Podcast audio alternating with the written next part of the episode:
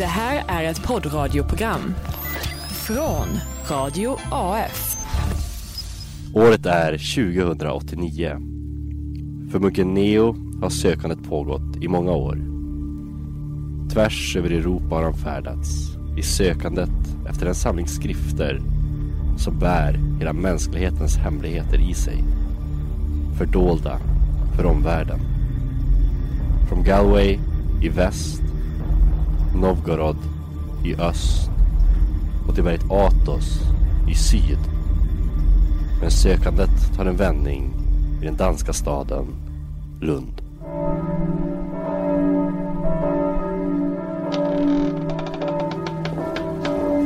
Satan om man skulle känna igen mig nu. Ser fruktansvärd ut i håret. Neo.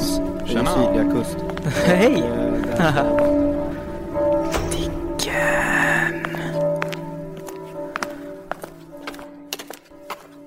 ska vi se. H, H, E, H, J. Hitta, nej. Hispanien. Hist, historia. Historicum idiotarum. God jul säger det måttligt intressanta radioprogrammet Historicum Idiotarum. Här på Radio här. Det är lite fin stämningsmusik också. Ja. Eh, vad var jag? Historicum Idiotarum ska avsluta säsongen. Ja. Men vi är inte färdiga än. Vi klämmer in ett extra program här på 18-kvisten lite innan vår vanliga tid. Men förhoppningsvis är vi tillbaka nästa termin också, kanske på samma tid. Vi får se hur det blir med det helt enkelt. Mm. Eh, jag heter Byfånen Knut, tror jag det var. Eller Knut Byfånen. Och jag sitter här med, Eh, Aron Schurman, jag minns inte vad mitt, vad, mitt var. det, det är någonting bra i alla fall. Jag tar skolastiken från Amanda för den här gången. Okej. Eh, Hej, Vincent, upptäckaren av Nikolauer. Uh, Wilhelmsson. Och Det är bra. Okej. Jag gillar den. Alexander, professor Jugov, även känd som. Vi har fina, fina titlar här. Det är ju ett program av eh, mig, Aron och Amandus uh, ursprungligen. Amandus kunde inte vara här idag. Nej. Men vi hälsar en julhälsning till honom. Men det är skönt att vi har två extra personer som kan avsluta med oss. Det är kul Vilket- att vara här. Det Jätteroligt. är jättekul att ha er här. Ehm, eftersom det är juletider ska vi köra lite jultema och vi tänkte diskutera julklappen just. För det finns ju massa Ja. olika um, traditioner och sånt som man håller på med jul i Sverige och över världen. Men julklappen valde vi att foka in oss på. Så vi ska då skriva in det i vår bok som vi har med oss. Just det, den, den som du håller i där. Jag håller ju i boken Ja, och nu sätter jag ner den.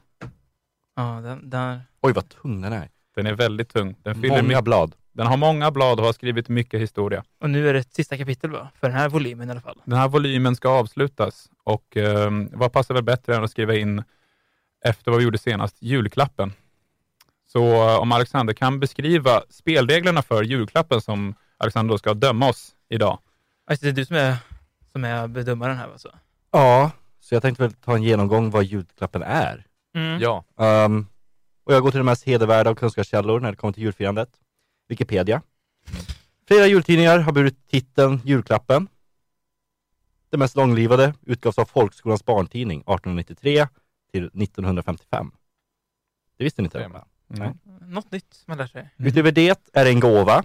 Julklappar brukar vara inslag i present slash julklappspapper som är enfärgat eller bär i allehanda jul alternativ vintermotiv. kan man komma ihåg med så här snöflingor och sånt. Mm. Uh, Wikipedia sammanfattar också julklappens historiska bakgrund på ett mycket tillfredsställande vis, så jag fortsätter att läsa ur Wikipedia-artikeln. Julen är en kristen högtid. Från början firades vid samma tid en hednisk högtid som sedan togs över av kristendomen då man i det förkristna Norden drack julöl till gudarnas ära. Ja, Mm. Mm. Bibeln berättar om hur Jesus fick presenter av de vise männen, men sedan att, sedan att utdela julklappar har på många platser kommit att sekulariseras och omfatta även personer utan anknytning till den kristna tron. Mm. Och här kommer det olika exempel. Uh, till exempel inom judendomen har man hanukka där man delar ut presenter, ja, just det. men man delar även ut presenter i Kwanzaa. Mm. Vad är det? Kwanzaa, Ja. en afroamerikansk högtid, Okej, Jaha. uh, sedan 1966. där Så ser det- man. Så de, det är ju överallt. Mm. Verkligen. Um, tomten i England säger ho ho ho innan han delar ut julklappar. Mhm. Google Translate. A prostitute, a prostitute, a prostitute. Ja. Och på svenska säger han, finns det några snälla barn här? Eftersom även svensktalande barn kan vara olydiga. Självklart. Det kan vara. En kristen högtid alltså, julen. Just det. Det Nu är jag är, väldigt spänd på att höra er. Det. Är du som sitter på auktoriteten här att bedöma vad som känns mest rimligt. Det här var ju bara alltså, ett axplock från min stora forskning. Ja, och det är väl vi som vet, eller någon av oss har väl hittat den, den egentliga sanningen. precis, det här är då den Ja. påstådda historieskrivningen som vi har köpt, men vi har ju då gjort vår egna forskning och det ska vi höra om snart.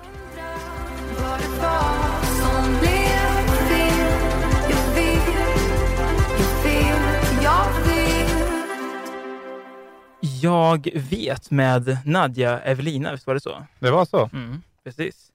Eh, jag har ju precis som jag tror även du och du Knut och du Vincent Mhm. eh, forskat i det här nu, tagit tag i vad det är som är grunden för julklappen. Just det. Eh, och jag tror att jag har hittat det som verkligen gäller. Det tror jag. Mm. Ja, Får jag säga? Precis. Ja, men okej, så var börjar vi? Alltså vad säger den befintliga historieskrivningen? Den härleder julklappen främst till Sankt Nikolaus, ett östromerskt helgon vars givmildhet och altruism ska ha lagt grunden för den vi idag känner till som jultomten. Dock finns här ett litet problem som äventyrar hela den historieskrivningen. Sankt Nikolaus ska ha levt på den anatoliska halvön, vad vi idag känner till som Turkiet, eh, under cirka ja, 200-300-talet efter Kristus. Vad vi dock redan fastställt i ett tidigare kapitel i den här tjocka historieboken, den som du sitter på där borta Knut, eh, är att det vi idag känner till som antiken i själva verket är ett påhitt. Det är Ja, liksom det. skrivet av det rumänska historiefyllot Nikolauer. Just det. Det Eh, minns jag. Mm. Ja, det, var ju, det var ju du som var med och dömde fram det som mest troligt. Så, Ja, ja. Ja. Ja. Eh, alltså är det ju något fuffens med detta gamla helgon. Mm. Eh, Eftersom det är december och jag har haft ett rätt så luftigt schema och inte har så mycket för mig så har jag lagt all min tid på att gå till botten med Nikolauers skrifter om det sydöstra Europa och allra främst om figuren Sankt Nikolaus. Först och främst, fanns han verkligen? Och svaret på den frågan är tämligen enkelt. Nej, det gjorde han inte. Men det gjorde inte heller Aristoteles. Pyrrhon eller Homeros för den delen heller. Trots det finns de i vårt kollektiva historiemedvetande. Så även om Sankt Nikolaus inte fanns, betyder inte det att idén av honom är värdelös i sig. Som vi vet så var Nikolauer en väldigt intelligent varelse. Alltså han var ju ett fyllo, men han var ju intelligent. Eh, eftersom han enbart i stort sett själv lagt grunden för hela västerlandets idéhistoria genom att uppfinna antikens Grekland och ja, alla de historier där. Så som är nyckeln till att förstå här är att Nikolauer självfallet även han har skapat då Sankt Nikolaus. Till följd av att Nikolaus omskrivningar av tiden före renässansen har varit så pass inflytelserika att de med tiden har ersatt det faktiska händelseförloppet i vår historieskrivning råder ju vissa oklarheter om vad som faktiskt hände där. Vincent då, han erbjöd en, en del fynd i kapitel 5 av volym 1. Bland annat att eh, Nikolauer, som är av rumänsk identitet, bodde i Aten. Benämningen på staden var annorlunda under Laurs levnadsår eh, från då cirka mitten av 1400-talet, nämligen, eh, jag tror det var Ititien. Ititien. Aten. It, ja, precis. Som Eh. på rumänskt uttal blir Aten. Ja, Ja. exakt. Eh, Så det är via Nikolauers berättelser som benämningen Aten uppstod. Eh, Vi vet ju att Nikolauer reste runt i världen och skrev sina berättelser om vad som försiggick under det vi idag känner till som antiken.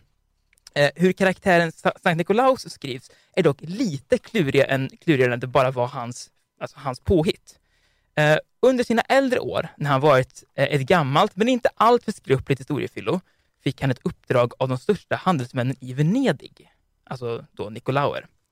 Ehm, för under den tiden då som han levde så var Venedig extremt inflytelserika på Balkanhalvön. De ockuperade även vissa hamnstäder därpå. Eh, tyvärr fanns ett annat, mycket större imperium närvarande, nämligen det Osmanska riket. Har ni kanske hört om någon gång? Har jag hört om. Mm. De satte väldigt stor press på Venedig och handelsmännen som styrde i handelsimperiet, de var så rädda att detta ostoppbara Osmantåg skulle köra över Venedig fullständigt. Eh, de hade länge försökt, värja sig från det, men det blev svårare och svårare till den punkten man valde att kalla Nikolauer till Venedigs högsta råd. Uppdraget han fick, det var att göra allt i sin makt för att framkalla positiv sämja mellan osmanerna och Venedig, trots osmanernas stora övertag. De har ju hört om honom på grund av hans stora berättelser, Mm. så att det är liksom sista, ja, men det är sista lösningen verkligen. Mm. Eh, och Nicolauer, som du vet, han kunde ljuga som en häst travar. Direkt började han skapa berättelser eh, om en senare fas av det inspirerande grekiska rike som han påstått styrt över området över tusen år tidigare. Han menade att ett större rike i väster, Rom, och Rom, Rumänien, alltså Rom ligger grunden Ja. för vad som då, ja, det är. Rumänien under dess storhetsdagar helt enkelt. Mm. Att då Rom kontrollerade området under de första seklerna efter år noll, inklusive den anatoliska halvön. Eh, I sina böcker skriver Nicolauer in berättelsen om Nikolaus, en så fredlig och fantastisk människa att han gav bort gåvor, så det är bara för skojs skull. Nicolauer ansåg att denna skapelse det var hans mästerverk och nämnde honom således efter sig själv. Eh, en annan teori det är att eh, efter ett halvt sekels alkoholintag eh, lett till en sinande kreativitet som inte längre kunde framkalla episka namn såsom Sextus Empiricus.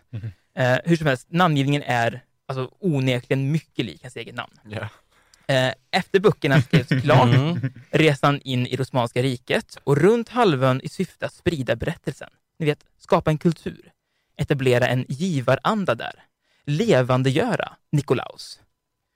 Efter flera år av aktiv propagandaspridning så återvände han till rådet och menade att han ansåg förmedling med osmanerna vara passa, att de skulle kunna passa nu och att de skulle sikta på ett handelsutbyte. Osmanerna saknade vissa produkter som Venedig hade i sitt ägo. Eh, Dock menar rådet att bäst vore om Nikolaus följde med på förhandlingarna själv. Eh, kort och gott, ett möte planerades i Istanbul, som det troligtvis alltid hetat. Konstantinopel är nog en konstruktion av Ja, Nicolauer. ja. Mm. ehm, mellan de här två imperierna och datumet blev den 25 december. Mhm. Mm. Nicolauer, som inte rakat sig på alla dessa år i syfte att smälta in på halvön, tog på sig sin vanliga luva och tog med sig en stor säck innehållande venetianska varor. Eh, att bära på säcken det var ansträngande, inte minst eftersom han hade en väldigt stor ölmage och fick således lätt rosiga kinder under det numera vita skägget. Eh, Osmanerna de var ytterst tveksamma till mötet, inte minst då sultanen såklart. Men de visste att det fanns något i deras kultur som uppmanade till givmildhet och tålighet under de här tiderna. Alltså jul var lite, lite främmande för osmaner, men någonting runt där. Det, det, fanns liksom någonting i deras historiemedvetande, något som hade etablerats. De, Mm. det, det fanns en, en känsla av det. Kanske lite julstämning. Eh, så pass övertygande var Nicolauer. Venedig började med att ge bort en inslagen flaska limoncello. Nicolauer övergav paketet till eh, osmanerna och då till eh, sultanen som plötsligt lyste upp. Därefter läste Nicolauer upp en dikt som enligt mötesprotokollet löd ungefär så här efter översättning. Att ha något gott att smutta på kan förgylla en dag. Att det dessutom kan hjälpa kreativitet att flöda, det vet även jag. Andra haltiga drycker kan inte ens försöka utmana detta, även om du har dem i en miljon. Så låt för denna jul istället smaka med något av citron. Åh, Ah. Ja, Det det, är rörande. Fint. Jättefint. det är troligt att eh, osmanerna inte hade den blekaste aning om vad han menar med det hela. Men gåvorna gjorde sultanen så lycklig att han själv, självfallet bidrog tillbaka med inslagna kryddor och annat trevligt som de hade i sitt ägo. Eh, I syfte att förstå handeln mellan det Osmanska riket och Venedig så måste man alltså börja där. Med Nicolauer i centrum återigen. Så småningom börjar man måla bilder av denna urgamla figur Nikolaus, starkt inspirerad av vad man hört om hur Nicolauer såg ut eh, under det mötet. Inom den romerska kyrkan valde man att helgonförklara Nikolaus som helt enkelt då troddes ha existerat. Mhm. För så pass övertygande var Mm. Nicolauer. Att han liksom bara kunde, kunde liksom på, på rullande band bara fortsätta skapa ett medvetande. Eh, Ja. Även om Nikolaus aldrig fanns var idén av honom starkare än vad något fysiskt bevis kunde framkalla. Idén började spridas i syfte att framkalla handelsavtal under juletider när det annars var kärvt. Så småningom så gick traditionen från att bara handla om global statshandel till att gå ner på en individnivå. Och så uppstod julklappen. Ett byte av en vara, upplevelse eller varför inte en berättelse.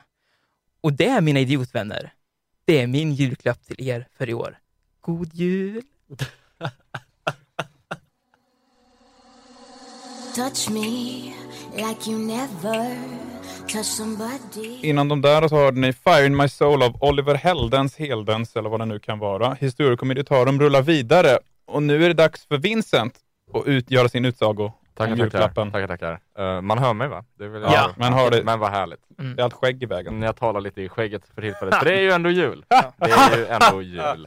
Eh, och det är ju nämligen så att min forskning, det här går fan inte. Det skiter det. Det var en kul idé. Det får inte, vara- får inte vara så. Jag Ja. rakar om mig. Ja, Det behöver förklaras Ehm. så för de som inte ser det, vilket är alla utom vi här är att eh, Vincent hade ett löst skägg på sig. Jajamän. Det såg ju jättetokigt ut. riktigt äkta tomteskägg. Det ser, ut som en, det ser ut som en haklapp bara på fel sätt. Det tror jag det. Eh, min forskning har ju då visat, eh, inte, inte samma resultat skulle jag inte säga, men delvis liknande. Mhm. Ehm, men den, den, den, det det delar sig lite därifrån, skulle jag säga. Mm. Det är inte, för som vi alla vet så var ju Aron då inne på och talade om Nikolauer, Mm. eh, den Mm. eh, fantastiska mytoman eh, som har hittat på mer eller mindre mm, allt. Mm. Aha. men eh, vissa grejer visade sig ha, han har rätt i, alltså som tankar om eh, alltså matematik och liknande.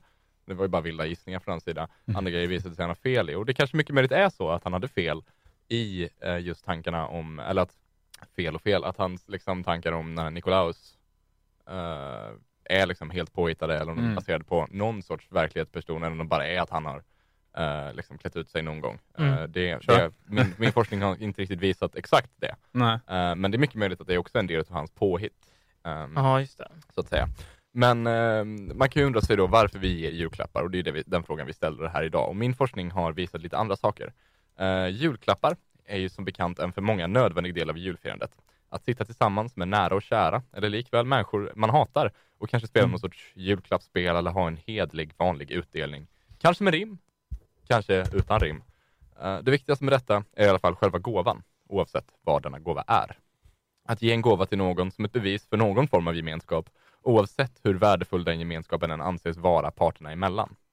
Och när vi nu sitter här och skriver vår historiebok och har frågat oss hur det kommer sig att vi ger just julklappar, är det dags med att avslöja vad min forskning i ämnet har visat. Mm.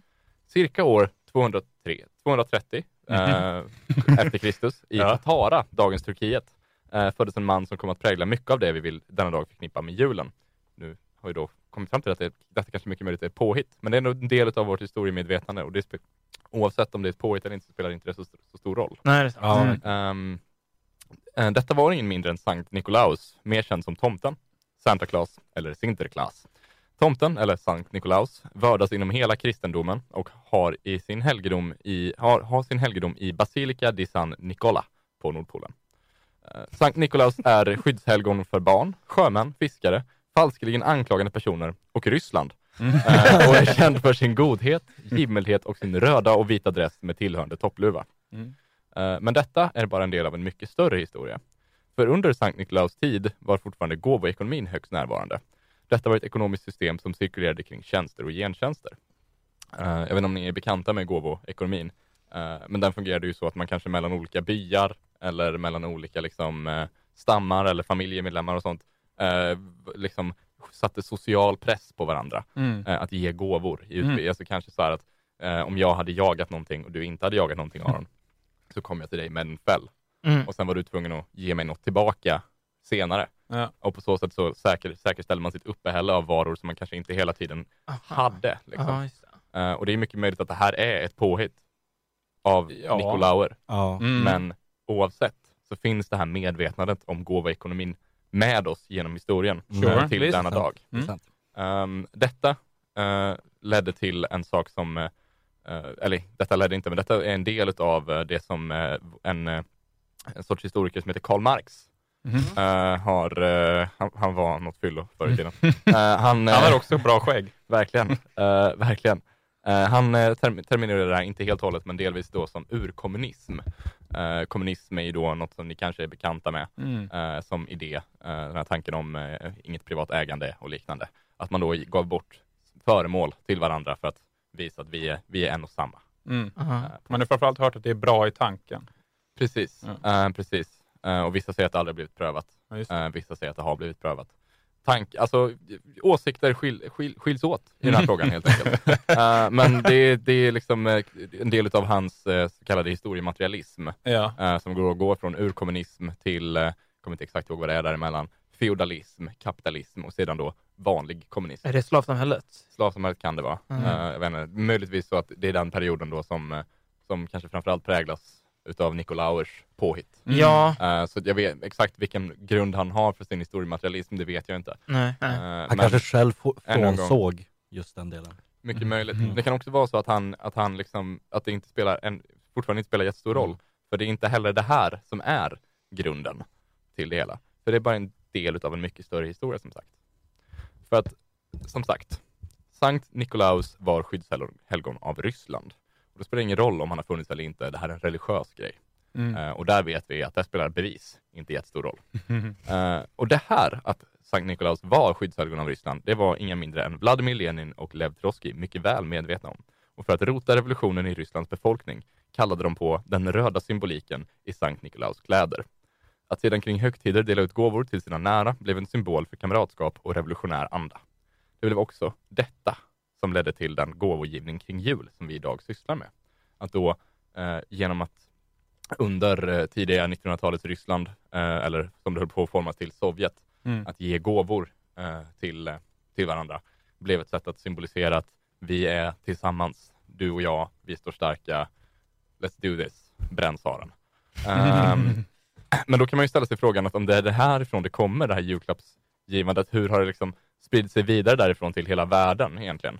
Ehm, och det har, mycket av det pekar på att trots på delar, alltså Trotskijs eh, tankar snarare än Lenins. Eh, och Trotskij är ju kanske mest känd för den så kallade politiska intrismen, eh, det vill säga infiltration utav politiska rivaler.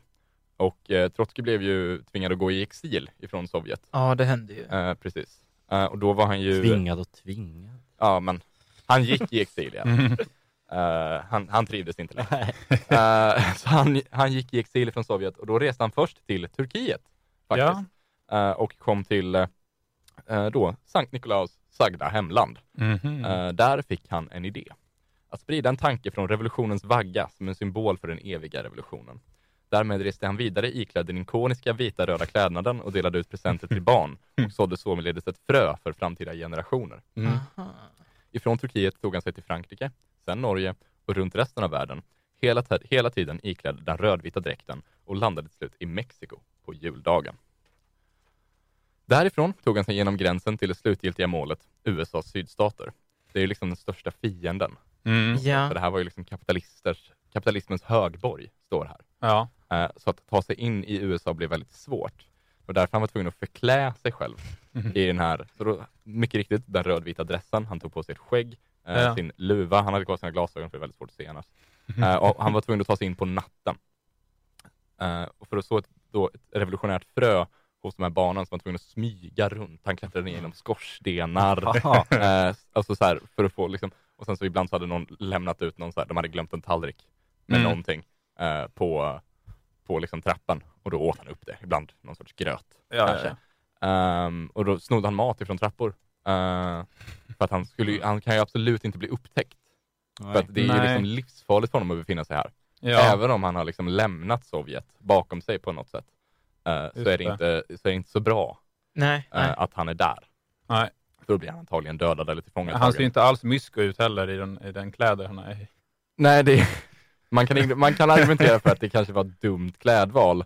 Men Nu var- ser nu var det så. Nu var det så. Alltså så här, han tänkte att om jag är så, uppväxt, nu jag liksom är så uppmärksammande, alltså så här uppseelseväckande som möjligt, Ja. eh, så kommer folk bli chockade. Mm. Och då kommer jag kunna ta mig därifrån medan de inte riktigt förstår vad de, vad de har sett. Mm. Eh, men i varje hus lämnade han en klapp och blev därför istället för hatade sina fiender älskad. Trotskij blev således den första jultomten Mm. och därmed har den här idén spridit sig ut genom världen. Ja, ja. Och det är därför vi till denna dag, även i kapitalismens högborg, delar ut julklappar.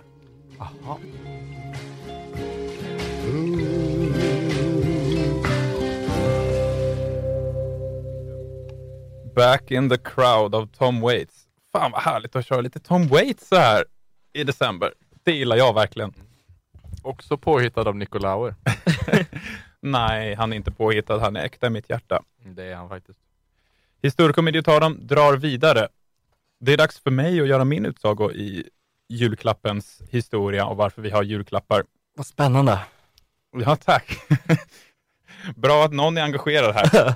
Det, är, ja, det känns lite partiskt. Kan, kan, kan jag inte påstå att du har sagt det till mig eller Vincent? Nej, men det, ja. Nej, nu. Det bara råkade bli så. Ja. Det kändes helt rätt helt Jaha, enkelt. ja. Ja. För varför har vi egentligen julklappar? Det är, det är ju en fråga som icke-historiska idioter aldrig ställt sig egentligen. För varför skulle man i en högtid som bara ska pågå så fort som möjligt och sluta när det känns rätt tänka på sånt? Det finns ju egentligen ganska lite form kring julen egentligen, utöver våra obligatoriska dagar som adventsdagar där vi tänder lite ljus av någon anledning, går i luciatåg om man känner för det, om man fortfarande får det i det här jävla landet och delar ut julklappar och äter mat på julafton. Resten är ju lite friform och det är ju ganska skönt.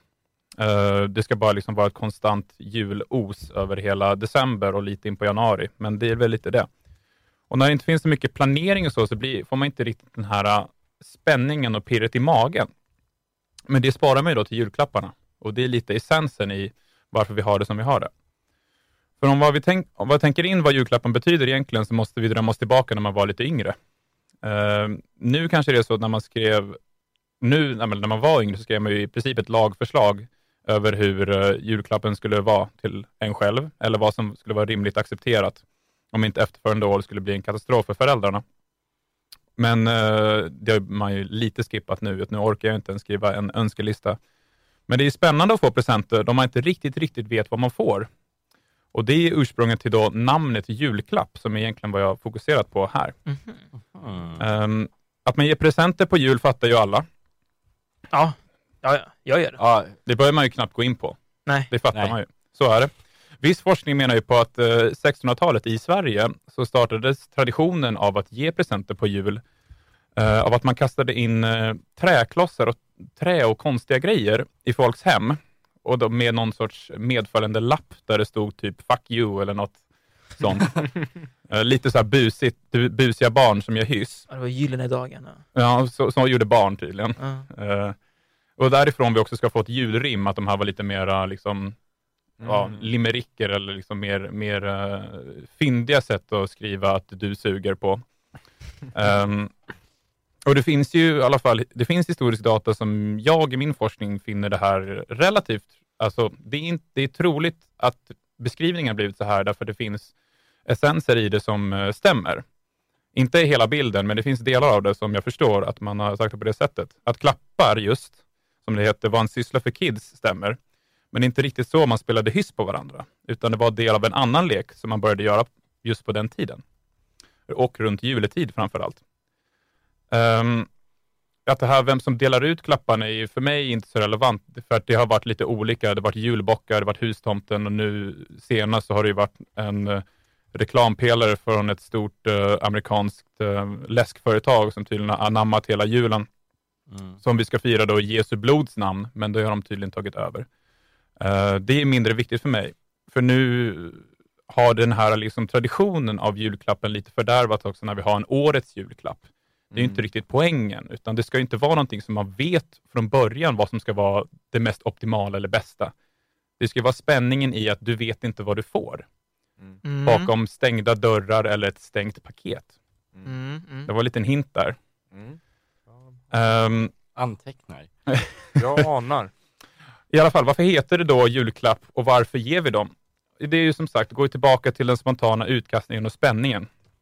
Det lite, lite barnsliga inte vet vad man får. Det kommer ju såklart från eh, 11 till 14-åringars mest spännande kvällsaktivitet som man började göra på 1600-talet i julen. Ryska posten. Ja, Just det. ja.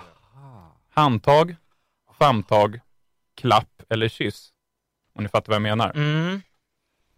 Det var ju ett tag Ja, sedan man gjorde det själv, men eh, om man ens fick chansen att bli bjuden då. Men eh, det kan ha hänt någon gång, säger jag nu.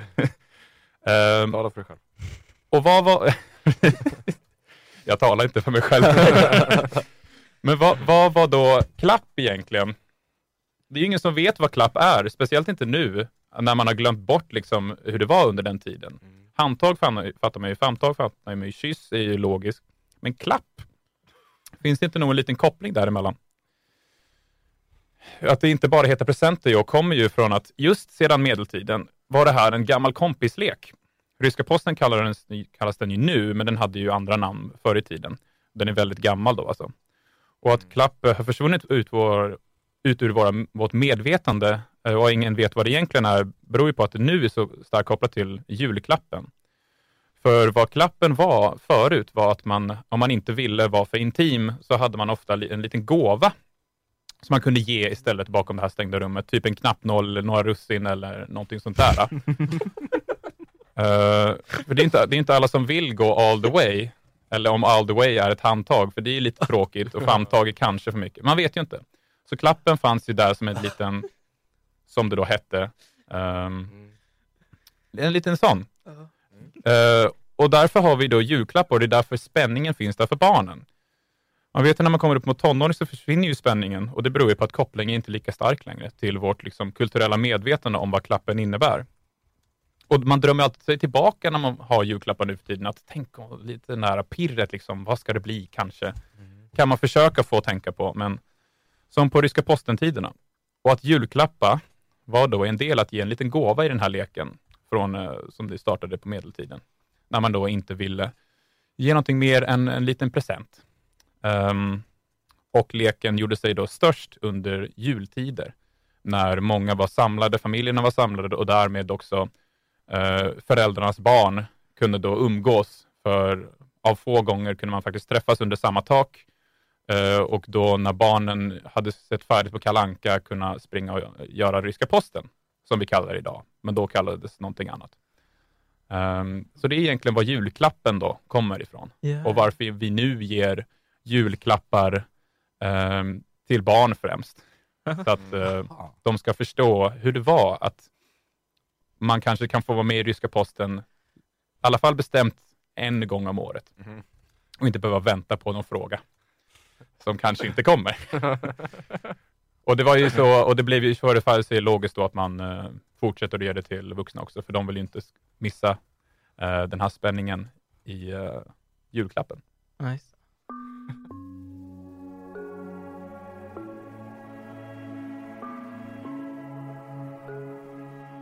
Det var Catch in the Rye av Grant. Just det, Riktigt bra artist. det var vass. En dänga. Det var en riktig dänga. Somnar ryggen. Dags för överläggning. Ja. Och det är domaren. Domaren, är du redo? Nu har du, hört, nu har du hört tre historier. Ja. Och Eh. tre idioter.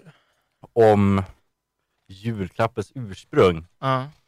Ehm, jag kan ju börja med Arons. ja, just det. Ehm, Kommer du ihåg den?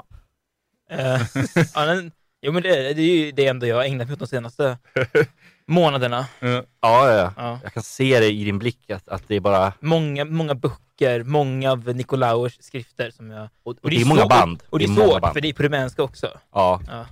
Så det är många sådana här band om att man lär sig rumänska på eh, en vecka som man tagit de snurrade sig heta i din bandspelare. Ja. Ja.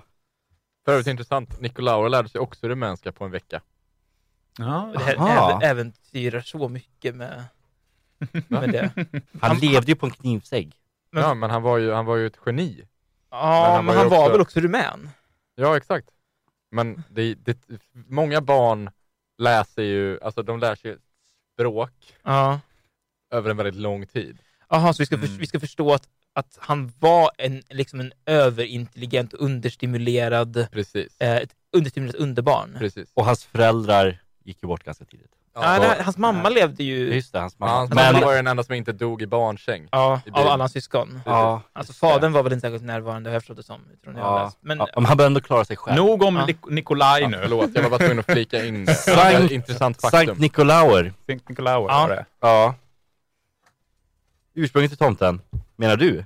ja, precis. Någon, någon slags självbiografi från Nikolauers håll? Det är väl någon slags att han ger upphov till, eller han, han skapar en berättelse som han liksom fyller i rollen av själv. Ja. Ja, Men, men du sa den 25 december. ja det var hölls i mötet Ja. i Istanbul. Varför firar vi i Sverige då julafton den 24? Eh, ja, men det är ju helt enkelt av eh, tidszoner. Att,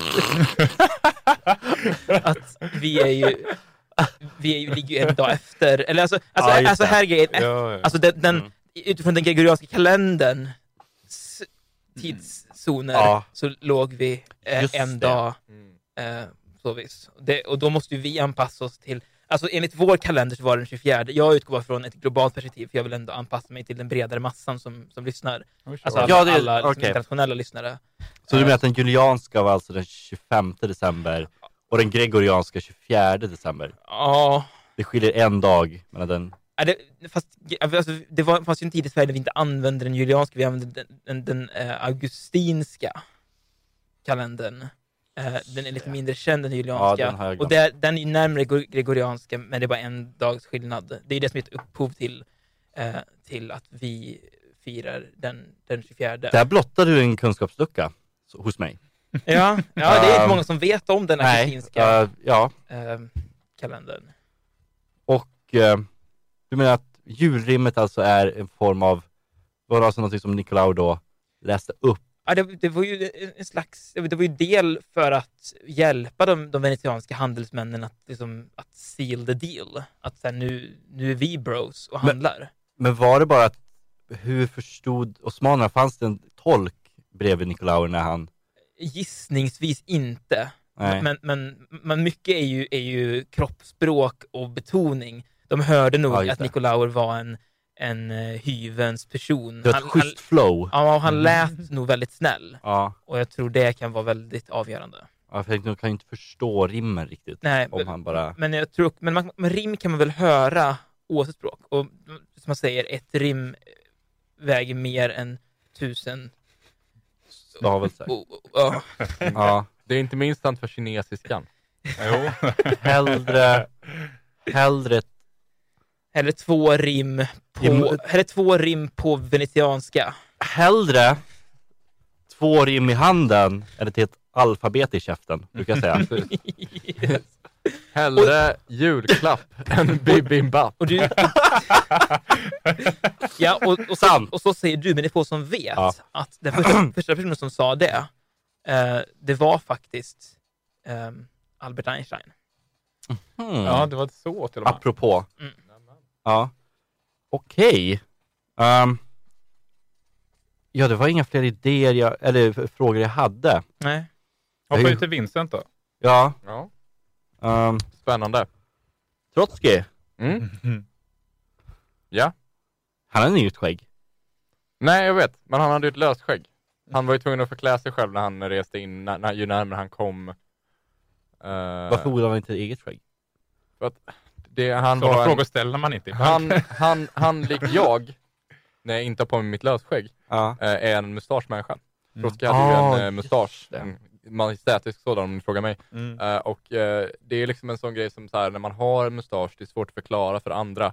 Men när man har en, Mm. så är det en sån, det blir liksom en del utav ens identitet på något Okej. sätt. Så att ordet skägg är inte ett riktigt alternativ. Man skulle kunna experimentera med skäggfrisyrer, men det hade kanske inte riktigt räckt. Så därför eh, satte han på sig ett lösskägg när han kom närmare. Okej, jag ja det nu. förstår jag. Mm. Ja, men du säger också att eh, det du menar då är alltså att jultomten och julklappsutdelningen är en kommunistisk eh, uppfinning som uppkom någon gång på 30-talet. Ja, alltså inte, inte, inte just liksom så här kanske i grund, alltså det var ju, det, det härleddes ju från gåvoekonomin som sagt. Mm. Och ha liksom, gåvor har ju varit en grej eh, väldigt länge. Men sen det här just med liksom jultomte, röd och vitklädd eh, och eh, att man liksom ger det till framförallt barn Mm. eh, är en grej som har kommit i och med då eh, den politiska intrismen eh, Ja. av Lev Trotsky. Um, Så, så vad du menar är att du nu vänder, du ju på all forskning om, om till exempel McCarthyismen. mm. Han hade, alltså Joseph McCarthy hade alltså helt rätt att förfölja kommunister under 1950-talets USA. För att det var faktiskt så att, Att de mycket riktigt sådde revolutionens ja, frö. ja, Ja, det får man ju säga ändå. fascinerande. Alltså, eller, det, sen så kan man ju försöka, sen kan man ju liksom nyansera den bilden också och säga att även om det kanske var så att kommunisterna var där och sådde eh, någon sorts revolutionärt frö i barn, så kan man ju fortfarande tycka att eh, alltså förföljelse av politiska motståndare, man kanske ska vara den större Ja. parten i det utbytet. Så att man behöver inte nödvändigtvis ge McCarthy rätt eh, helt och hållet. För mycket riktigt, i alla fall eh, när Trotsky började det här, Mm. eh, så, så var ju det ursprungsmålet. Sen så kan man ju argumentera för att det har blivit lite urvattnat sedan dess. Eh, och att vi idag inte ger klappar till våra barn för att påminna dem om att eh, revolutionen inte är över än. Okej, från en ryss till en annan rysk post. Segway. Ho, Ja, ja, snygg. Det här, ja. Ja, bra. Um, Okej. Ehm, ja, det var väl klara besked, tyckte jag. Den ryska... Du, du har då ingen aning om vad det kallades under 1600-talet, alltså den här ryska posten som vi kallar det nu? Ja, men det kallades ju, alltså det har ju haft olika namn genom åren. Olika generationer har haft sin egna grej. Det har ju kallats, från jag förstår har det kallats så här, ja, klapputdelning eller um, myshörnan eller uh, ohelga natt. Sådana saker. Jaha, Men det är ju, ja. det går, det är ju lite så här uh, generationsbaserat. Så. Vad som Ja, har hänt på den tiden var...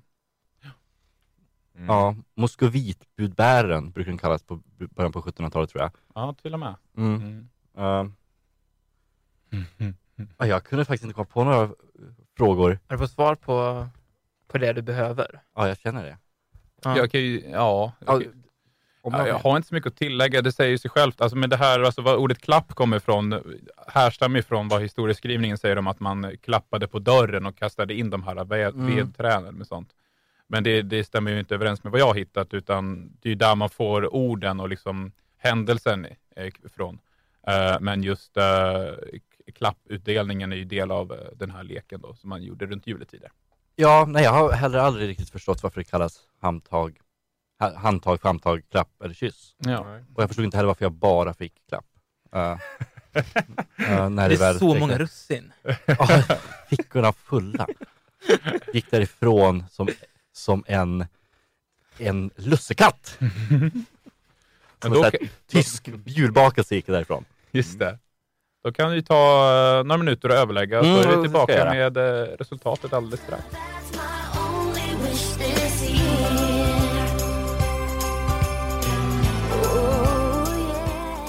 My only wish this year. Britney Spears.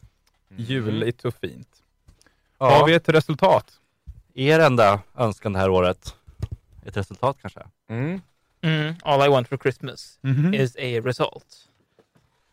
Sverige. Results, results, Vi har- results. Resultaten. Ja. Har du boken redo? Ja, den... Jävlar, jag tappade den. Ja. Så, nu. Där är den ja. Där är den. Ja. Och det är ju sista kapitlet nu alltså. Sista kapitlet. Oj, oj, så det- Bläddra, bläddra, bläddra. Ja. Så, där! Oj, oj. Nu ska vi se här. Yes.